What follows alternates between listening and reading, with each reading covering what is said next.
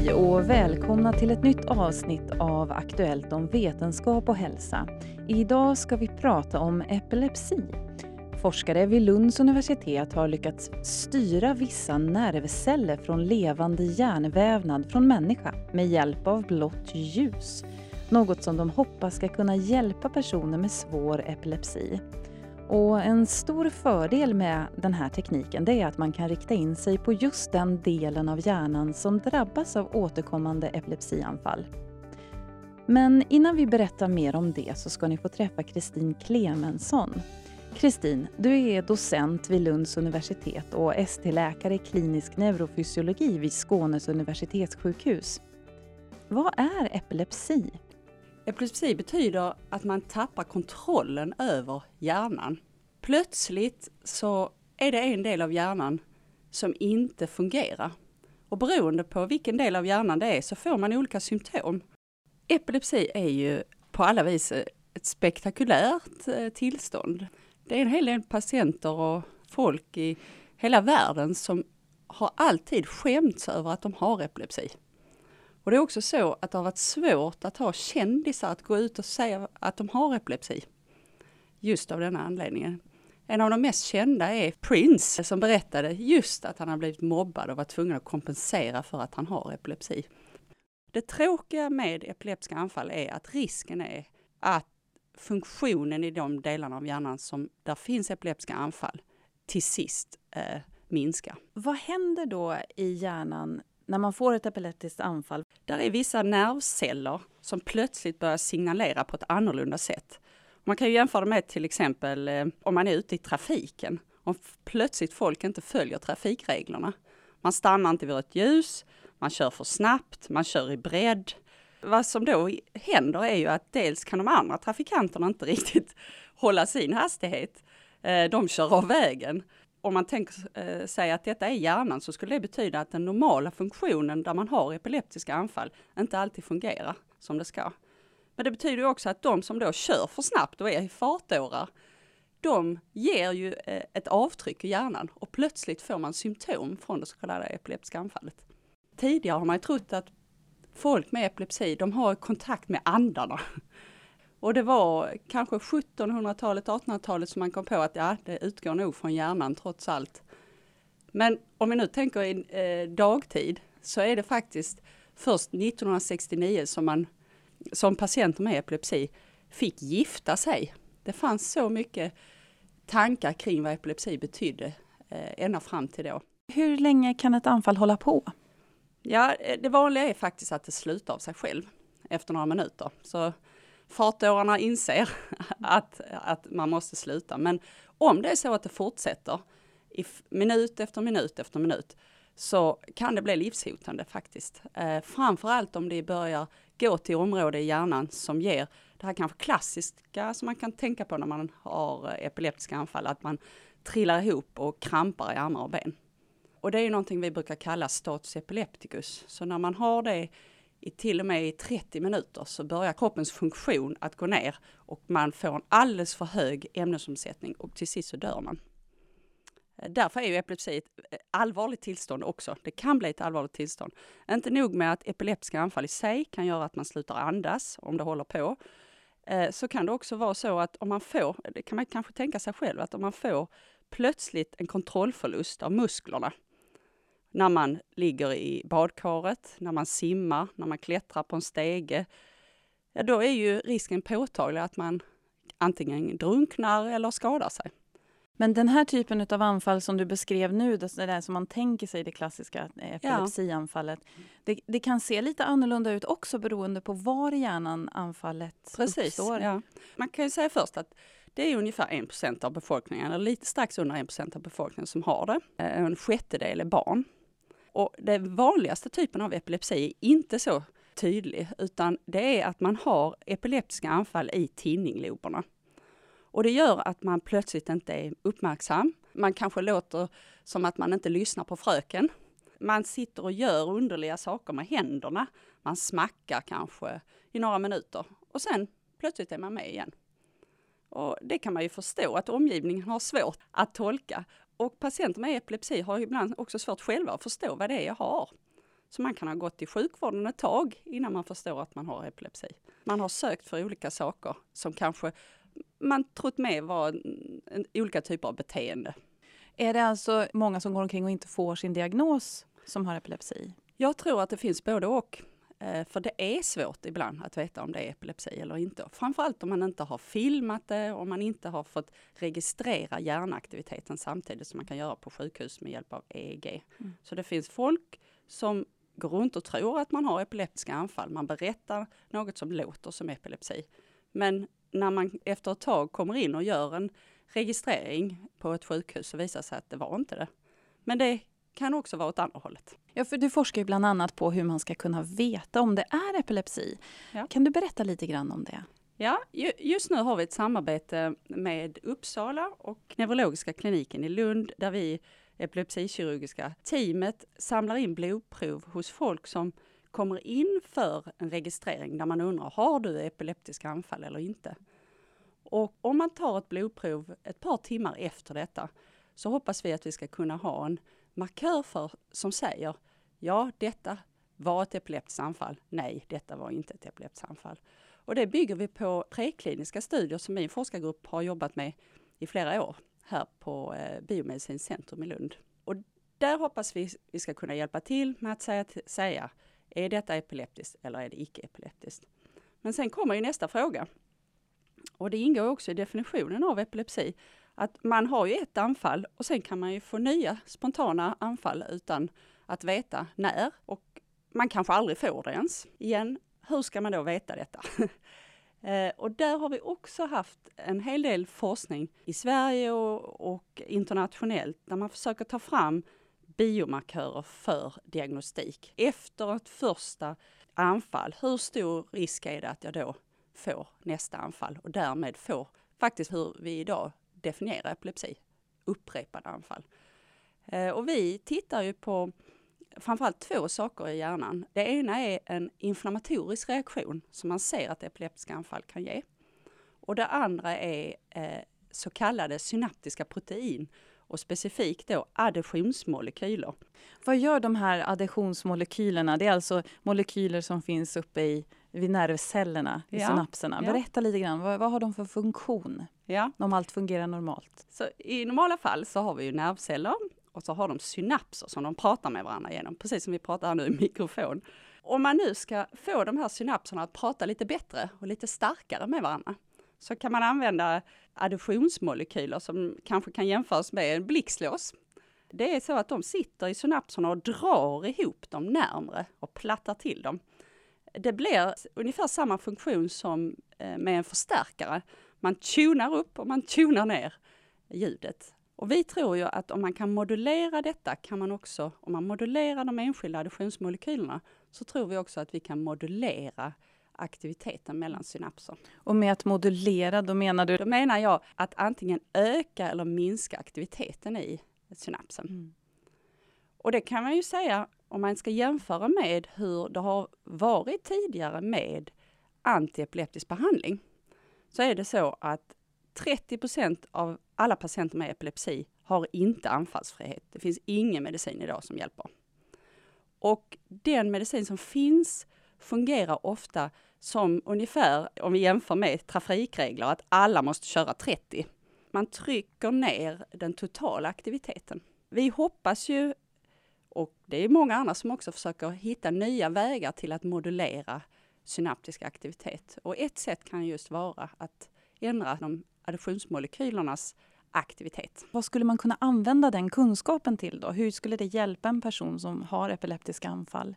Om man ser att vissa additionsmolekyler har ett lägre eller ett ökat uttryck i hjärnan så kan man idag med hjälp av ny radiologisk diagnostik, alltså när man tar bilder av hjärnan, märka ut de här proteinerna och se hur deras uttryck är i hjärnan. Och då ge en indikation för om det ser ut som att hjärnan är förberedd på att få nya epileptiska anfall. Kan man se det så pass långt innan alltså? Precis. Och det är det forskningen går ut på. Att kartlägga när man kan se de här förändringarna innan man får epilepsi. Om man då misstänker att någon får ett epileptiskt anfall. Man, jag har i alla fall hört det här att man ska stoppa en sked i munnen så att man inte ska svälja en tunga och sådär. Men vad ska man göra? Nu pratar du om de här generaliserade kramperna som man ibland kan se patienter som krampar i armar och ben. Och de biter ihop med tänderna och det kanske kommer fraggar. Då ska man inte stoppa någonting i munnen, för risken är stor att man biter sönder tänder, tunga, man kan få käkproblem. Så man ska faktiskt låta personen vara. Eh, oftast går ju anfallet över efter några minuter. Vad man kan göra är att försöka vända dem lite i framstupat sidoläge, det vill säga man lite på sidan, så att de slipper svälja så mycket saliv och, eller få ner det i lungorna. Det är vad man kan göra som eh, privatperson på stan. De andra typer av anfallen, när man plötsligt är frånvarande eller säger konstiga saker eller ser, eh, hör olika hörselhallucinationer, där kan man som privatperson inte göra mycket. Patienter med epilepsi, en diagnos, har ibland hemma medicin som man kan ge akut i munnen till exempel. Och det, det, det vet de ofta om och nära, närstående vet om det. Mm.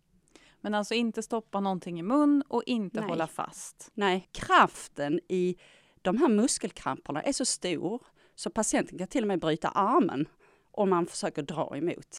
Vad hoppas du att din forskning ska leda till?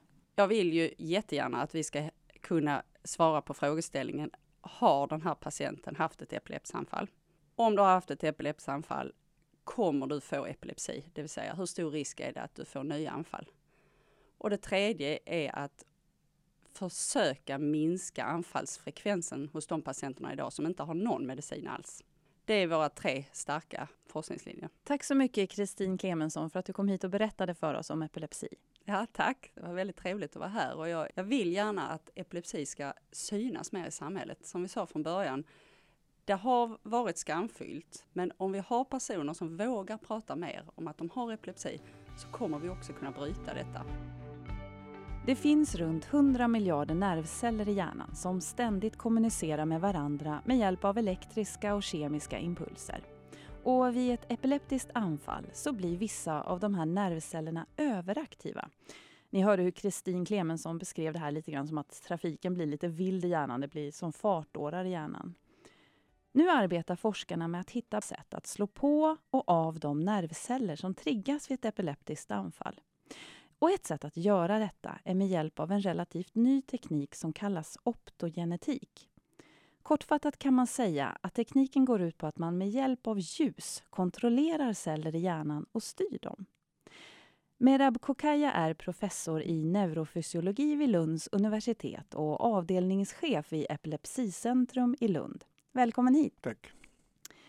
Ni forskar på hur man med hjälp av genterapi och cellterapi kan både kartlägga och behandla epilepsi. Och ni använder bland annat optogenetik i er forskning. Optogenetik är relativt eh, ny teknik som uh, tillåter att adressera vissa populationer av celler selektivt med hjälp av ljus uh, och genmanipulation. Och den var inte möjlig tidigare. Och det ger eh, nästan obegränsade möjligheter att eh, studera olika funktioner i hjärnan. Eh, men samtidigt kan man använda den kunskap att utveckla nya behandlingsmetoder. Inte bara med hjälp av optogenetik, men bland annat med optogenetik också. Men hur går det till då? Eh, I bakterier och alger finns eh, ljuskänsliga proteiner som de använder som energikälla. Men de kan eh, sen modifieras och, eh, och eh, sättas in i nervceller. Och då vad, vad de gör är att om man lyser på de cellerna, de kan aktiveras eller hämmas med ljus. Och det går så att de proteinerna sitter i cellmembran och när de aktiveras så är de jonkanaler som de öppnas och då, då eh, flödar jonkanaler genom eh, membranet och genererar elektrisk ström som påverkar deras aktivitet. Så på så sätt man kan aktivera celler eller hämma dem. De här jonkanalerna som Merab Kokaya pratar om, de sitter i nervcellernas yttre membran och när de öppnar och stänger sig så skapas det som man kallar elektrisk retbarhet. Och en del av de mediciner man ger till människor med epilepsi idag påverkar just de här jonkanalerna så att den elektriska impulsen hämmas. Så när ni belyser det här ljuskänsliga proteinet som ni då får bland, från algerna med blått ljus så kan ni aktivera cellerna och även styra dem. Men det här proteinet är ju inget som vi normalt har i hjärnan. Hur är tanken att man liksom ska föra in det i hjärnan då? För det behöver ju komma in där för att det ska fungera som av och på-knapp. Ja, så om man tar gener på de proteinerna från algerna eh, och sen sätter in en, en virus eh, som är ofarligt. Och eh, virusgenerna har tagits bort och de generna från bakterien då sätts in i viruset. Och då kallas det virusvektor istället.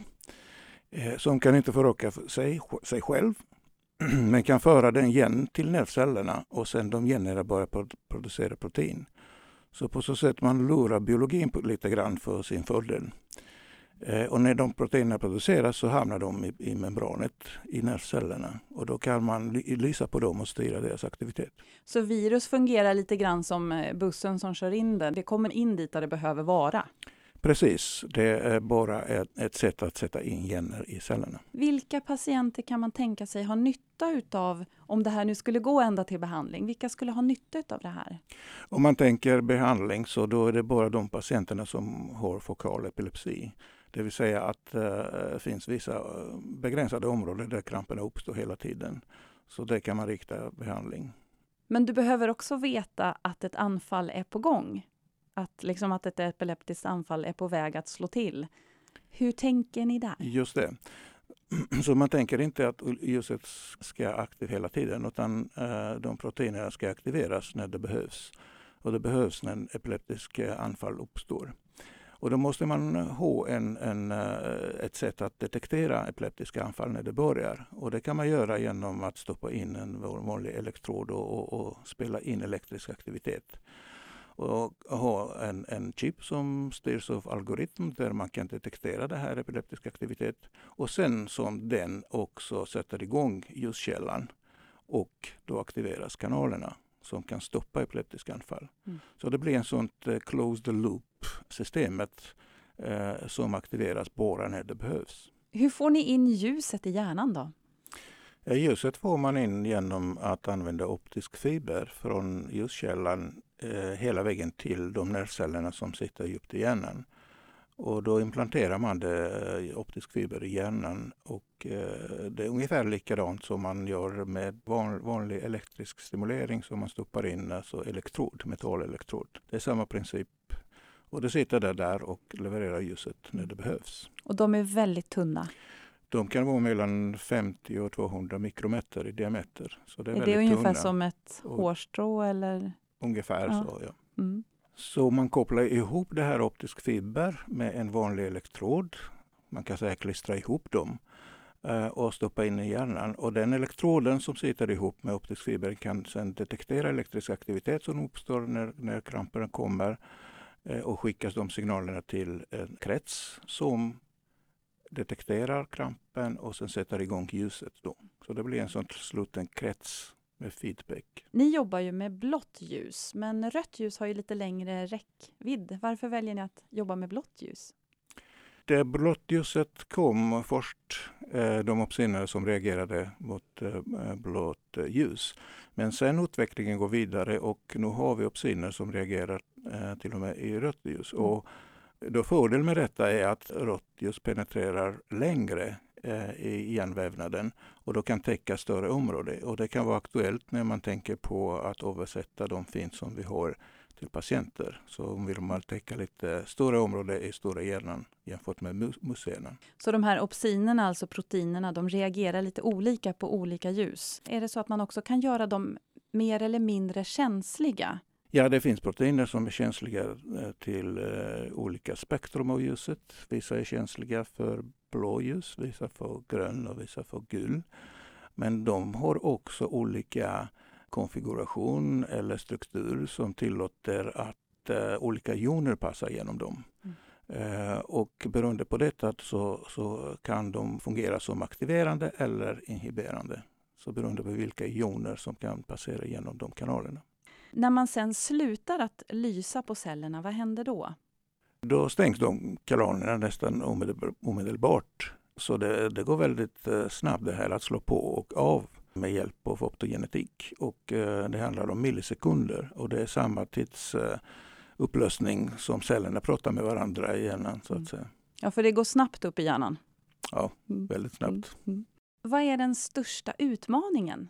Största utmaningen är kanske flera stycken. än eh, som eh, ett begränsat område som man kan påverka.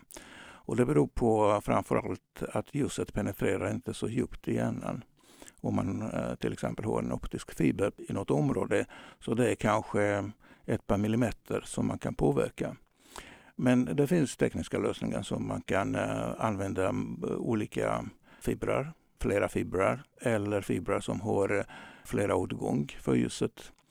Andra utmaningen är att man, eh, man vill öka känslighet för, för de kanalerna för att även svag ljus kan aktivera dem. Mm. Och, och, det här arbetet pågår också så att man får hela tiden nya opsiner som är känsligare för ljuset. Mm. Speciellt det röda spektrum som penetrerar bättre i hjärnan. Hur långt har ni kommit? Vad har ni, vad har ni sett? Eh, vi har sett att eh, man kan till och med eh, um, överföra de generna i humana vävnad alltså hjärnvävnad som vi får från opererade epilepsipatienter till labbet. Och det har vi eh, försökt att styra dem till och med med ljuset och vi har sett att det går. Så det vet vi att, att om man skulle gå in i, i eh, humana hjärnan med den här tekniken, det, det kommer fungera. Men att komma till, till patienterna och testa den här teknik, så det kommer ta lite längre tid för att återigen, en av de utmaningarna är att, att se hur de uh, ljuskänsliga kanalerna fungerar långsiktigt i hjärnan och om de har potentiella biverkningar på grund av att det är främmande protein som man uttrycker det i humanovävnad. Till exempel om det finns uh, immunreaktion uh, eller liknande eh, långsiktigt. Mm. Eftersom så, det inte är ett protein vi själva går runt och bär på. Precis, mm. så eh, det är som vanligt alltså man har eh, immunreaktion mot mm. Eh, främmande föremål i kroppen. Ni samarbetar ju med kirurger som då opererar. Kan du berätta hur, hur det går till? För det kanske är svårt att, att förstå när du säger att ni har hjärn, får hjärnvävnad. Berätta. Ja, Inom epilepsi har vi en unik tillfälle att få levande Eh, Eh, hjärnvävnad eh, från epilepsikirurgi. Och vissa patienter som är, är ehm, farmakoresistenta, då det går inte att behandla dem med vanliga farmakologiska eh, behandlingar. Eh, de utreds för att operera bort den vävnaden som är, som är fel och genererar epileptiska anfall. Och då måste de säkerställa att just det här begränsat område som hela tiden genererar det här epileptisk aktivitet. Så då kan man tänka sig att operera bort den här vävnaden. Ofta ligger det i temporalloben och kanske i cortex men eh, i vissa fall går det inte för att eh, om det är språkområde till exempel kan man inte operera bort. Men den liten grupp av patienter som kan opereras får riktigt bra hjälp av detta. Men sen finns en vävnad som vi kan sen från operationen få till labbet, göra snitt på dem hålla dem levande och sen studera eh, elektrofysiologi i den här sjuka epileptiska vävnaden. Och det är ett unikt tillfälle. Och det har vi gjort och försökt att få in de generna för optogenetik och sen styra dem med ljuset. Mm. Och, och, det, det fungerade. fungerade, ja. det fungerade. Hur, hur var stämningen på labbet när ni såg att det fungerade? Och det är alltid som man hittar på något nytt. Eh, det är väldigt uppstämning så att säga. Och eh, man har sett eh, själv för, först i världen, någonting som ingen annan har sett. Det är en spännande känsla. Optogenetik och er forskning det är också ett sätt att lära sig mer om hjärnan. Vad har ni lärt er? Vi, vi har lärt eh, hur olika populationer av celler eh, kan påverka epileptiska anfall eller till och med initiera epileptiska anfall. Så då kommer man lite mer i, i djupet i mekanismer. Vilka cellgrupper som um, hjälper epileptiska anfall, om man kan säga så, eller vilka cellgrupper som, som uh, motverkar det. Och på så sätt kan man uh, identifiera de cellgrupperna, kartlägga dem och, och sen använda det här kunskapet för att utveckla lite mer skräddarsydd behandling för enskilda patienter beroende på hur deras eh, epilepsi ser ut. Varför skulle en sån här behandling vara bättre än dagens behandling för den patientgrupp som det skulle vara aktuellt för? Ja, eh, eh på grund av eh, att optogenetik kan adressera eh, vissa specifika populationer av celler Ehm, det var inte möjligt med tidigare metoder av hjärnstimulering som eh, deep brain stimulation till exempel, som används eh, också på vissa eh, epilepsipatienter.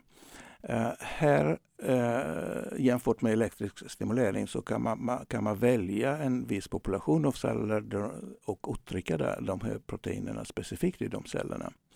Och på så sätt, när man lyser i det här området, bara de cellerna kommer svara på stimulering jämfört med elektrisk där eh, lite eh, allt som, som kring eh, elektroden kan eh, påverkas eh, av strömmen. Man kan välja om man vill aktivera viss population eller slå av dem. Så på så sätt man har lite bättre kontroll och man kan skräddarsy så, mm. som, och anpassa till eh, den här situationen som uppstår i, i enskilda patienter. Tack så mycket för att du ville komma hit Merab Kokaya.